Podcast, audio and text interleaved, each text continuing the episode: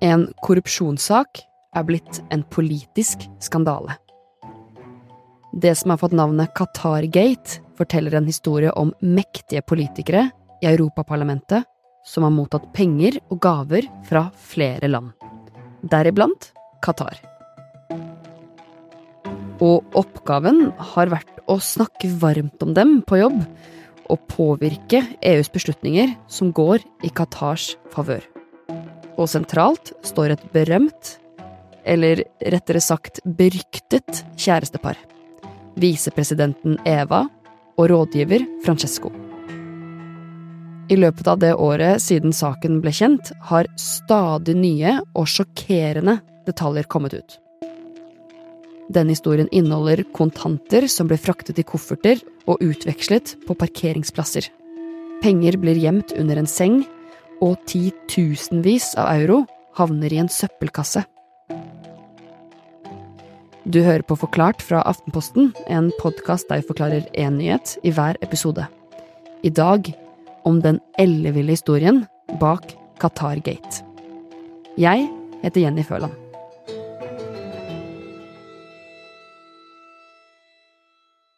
Det blir brukt store ord når folk beskriver denne skandalen. Den er sjokkerende og kanskje en av de største korrupsjonsskandalene i EUs historie. Rakel Haugen Strand er europakorrespondent for Aftenposten og bor i Brussel, hvor deler av Europaparlamentet holder til. Ja, du vet, der de vedtar lover og regler for EU, eksempel ting som at bruskorken må sitte fast i flaska. Og historien hun snakker om nå, begynner for flere år siden. Før Qatar skal arrangere VM i herrefotball. Inne i en av de store salene i Europaparlamentet så sitter det representanter fra flere land i et slags panel. Blant dem sitter Qatar sin arbeidsminister. For han skal nemlig holde en tale til menneskerettighetskomiteen. Uh, uh, uh,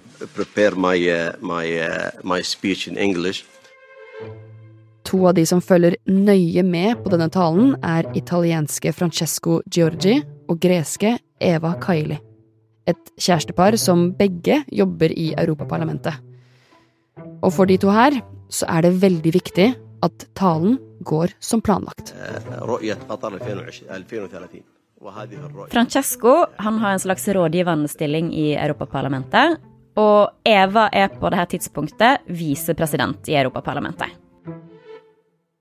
Og nå så sitter de og lytter til forsvarstalen om at Qatar fortjener respekt, eh, på tross av at det er kommet flere rapporter som påstår at landet gjentatte ganger har brutt menneskerettigheter.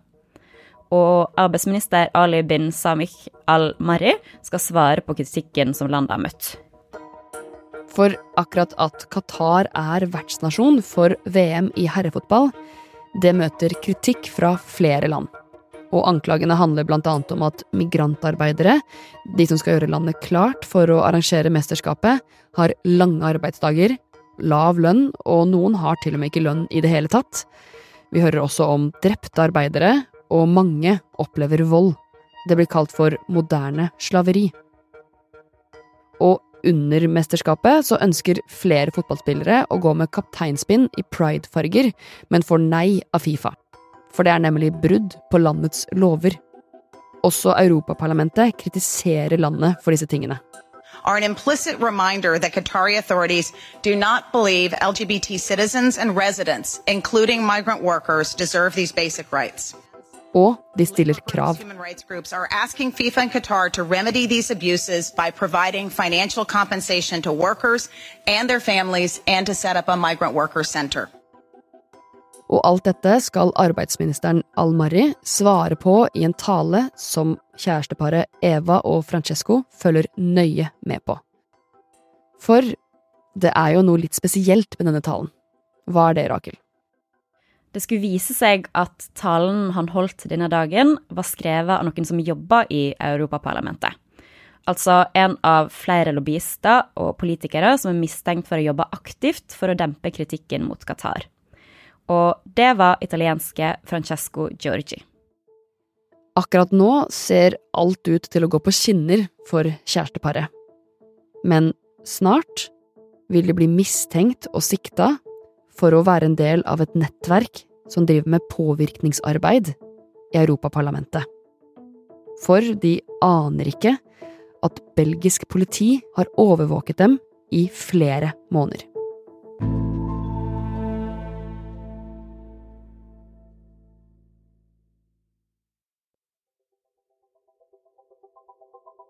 Over lang tid så hadde politiet i Belgia drevet og etterforska og overvåka flere EU-politikere og lobbyister på grunn av et tips om bestikkelse. Det fører til at i desember i fjor, for omtrent ett år siden, så ransaka politiet en rekke leiligheter og kontorer i Brussel.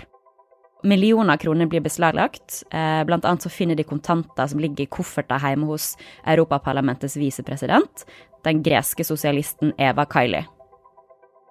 Altså samboeren til Francesco Giorgi. Og hjemme hos dem finner politiet hundretusenvis av euro i kontanter. De finner også ut at det har vært så mye kontanter i omløp hjemme hos kjæresteparet at Francesco måtte kjøpe en ekstra safe og flere ting peker mot at en mann er en slags leder for hele skandalen. Han blir fort hovedmistenkt i saken. Italienske Pier Antonio Panzeri. Han ble valgt inn i Europaparlamentet allerede i 2004 og satt i tre perioder fram til 2019. Og etter det så starta han en frivillig organisasjon. Eh, og fram til 2019 så jobba Francesco som assistent for han. Pierre han har blitt pekt på som en slags leder for nettverket som skal ha jobba for å hjelpe Qatar, Marokko og Mauritania. Det er basert på de tingene som han har sagt i avhør. Da politiet ransaka leiligheter til Pierre i Brussel i fjor, så fant de over 600 000 euro i kontanter, noe som tilsvarer rundt 6,7 millioner kroner.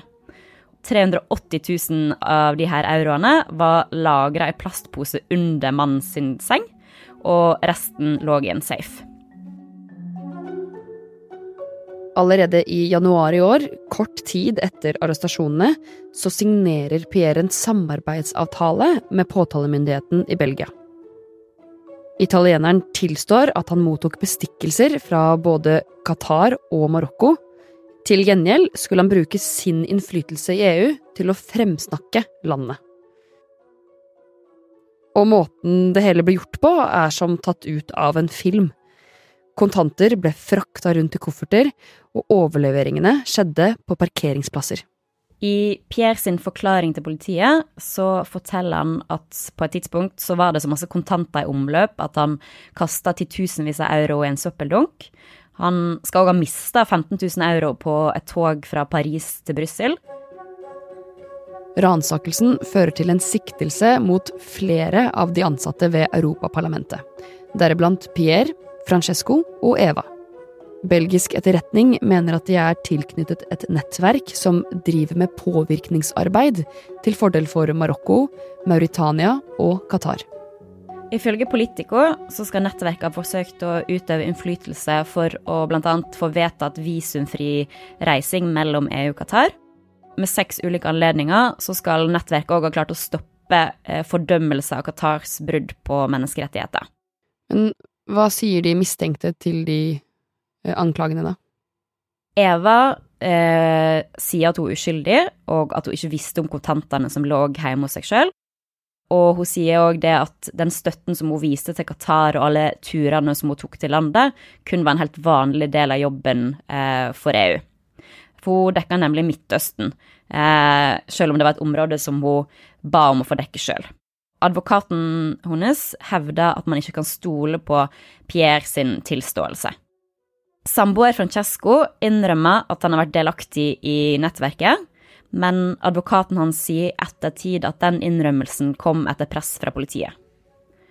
Og Pierre har tilstått å ha drevet en kriminell organisasjon og har blitt bestukket for å drive politisk påvirkningsarbeid for Qatar og Marokko. Han har òg innrømt at han har forsøkt å bestikke andre. Nå har det gått over et år siden den store skandalen i EU, som har fått navnet Qatar Gate. Og ikke alle detaljene ved denne saken har blitt avslørt, så det kan komme mer informasjon om både Marokko og Mauritania. Men Rakel, hva betyr det her for EU?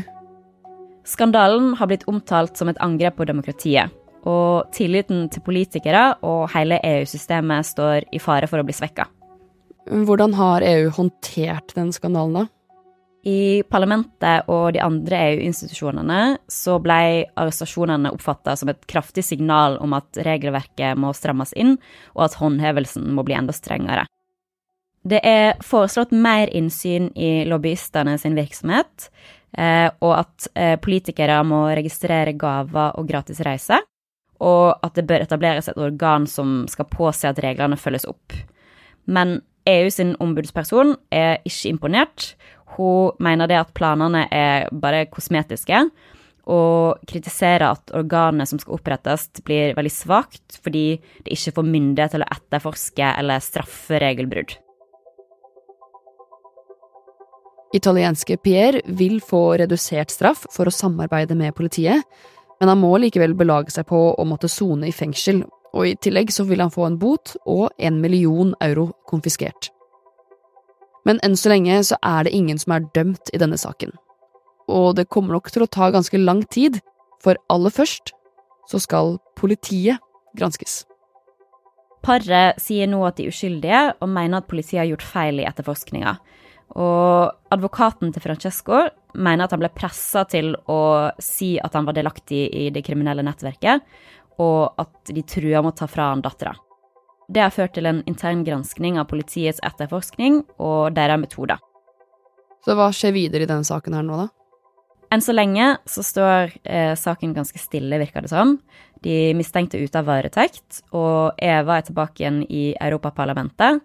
Ikke som visepresident, men som et uavhengig medlem. Og Pierre har fotlenke og må nok belage seg på fengsel, i tillegg til en bot. Eh, men om og når det eventuelt blir en rettssak som involverer flere av de sikta, er uvisst. Ifølge Politico så kan det ta flere år.